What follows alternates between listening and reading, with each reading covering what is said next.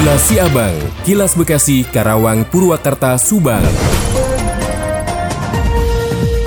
Dari Subang dikabarkan harapan agar adanya alun-alun di Kecamatan Pamanukan yang representatif menggema. Bahkan di media sosial, perbincangan soal alun-alun Kecamatan Pamanukan ini semakin menarik perhatian. Ketua Aliansi Masyarakat Panturah Asep Maulana mengatakan, Pamanukan sudah harus memiliki alun-alun yang representatif dan sebagai tempat interaksi yang menunjang bagi ruang publik. Terlebih Pamanukan juga berpeluang untuk menjadi pusat kegiatan kabupaten di wilayah utara. Sebagai contoh, keberadaan alun-alun alun yang representatif dibutuhkan manakala dalam beberapa kegiatan yang dilaksanakan di Pamanukan, pihaknya kesulitan untuk menampung animo masyarakat luas Pamanukan.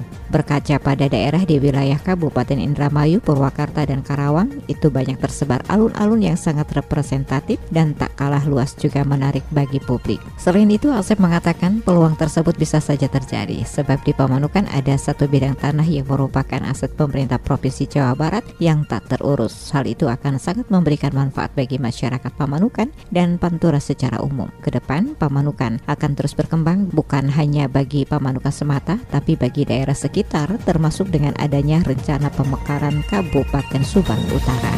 Demikian Tika, GSP Radio Pamanukan mengabarkan untuk Kilas Siabang. Kilas Siabang, Kilas Bekasi, Karawang, Purwakarta, Subang.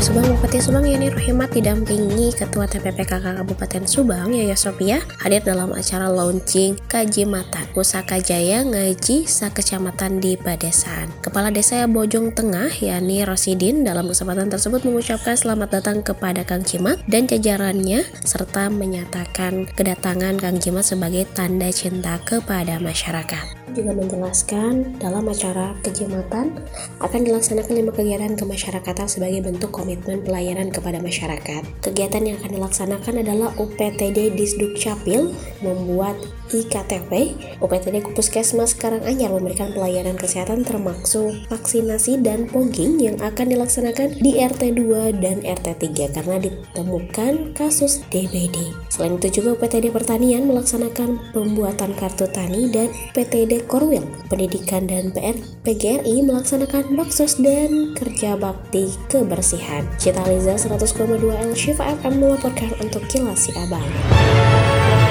Kilas Siabang, Kilas Bekasi, Karawang, Purwakarta, Subang. Diinformasikan dari Karawang, sebanyak 9 warga Karawang tewas akibat menenggak minuman keras atau miras oplosan berlabel Zimbel. Selain menewaskan 8 orang, miras tersebut juga mengakibatkan sejumlah orang harus dirawat di rumah sakit. Awalnya 8 warga Karawang tewas usai menenggak miras oplosan berlabel Zimbel.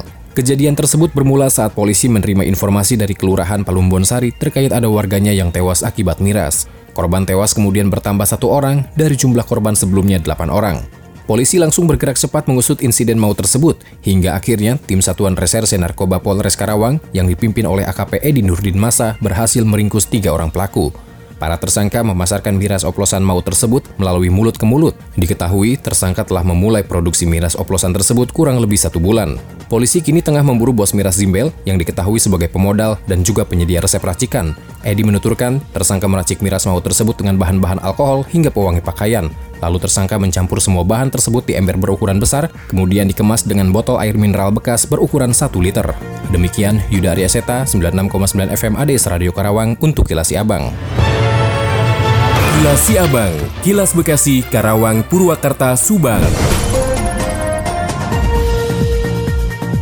Dalam rangka mengisi kekosongan jabatan di lingkungan pemerintah Kabupaten Bekasi, PJ Bupati Bekasi Dani Ramdan berencana melakukan rotasi mutasi 8 eselon 2 dalam pengisian sejumlah jabatan kosong di pemerintahan Kabupaten Bekasi sebelumnya sudah diproses pada masa kepemimpinan Ahmad Marzuki.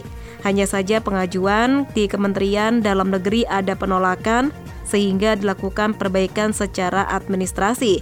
Diakuinya jabatan yang kosong mencapai 13 jabatan untuk tingkat eselon 2, belum lagi eselon 3A dan 3B.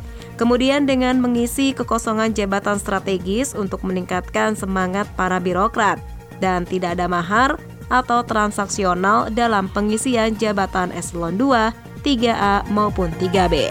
Saya Ulfiana Larasati, Radio Dakta 107 FM Bekasi melaporkan untuk Kilas Abang. Demikian Kilas Abang yang disiarkan serentak Radio Dakta Bekasi, Radio Gaya Bekasi, Radio El Gangga Bekasi, Radio Pelangi Nusantara Bekasi, Radio ADS Karawang, Radio GSP Subang, Radio El Sifa Subang, Radio MKFM Subang, dan Radio Populer Purwakarta. Nantikan kilas Abang selanjutnya.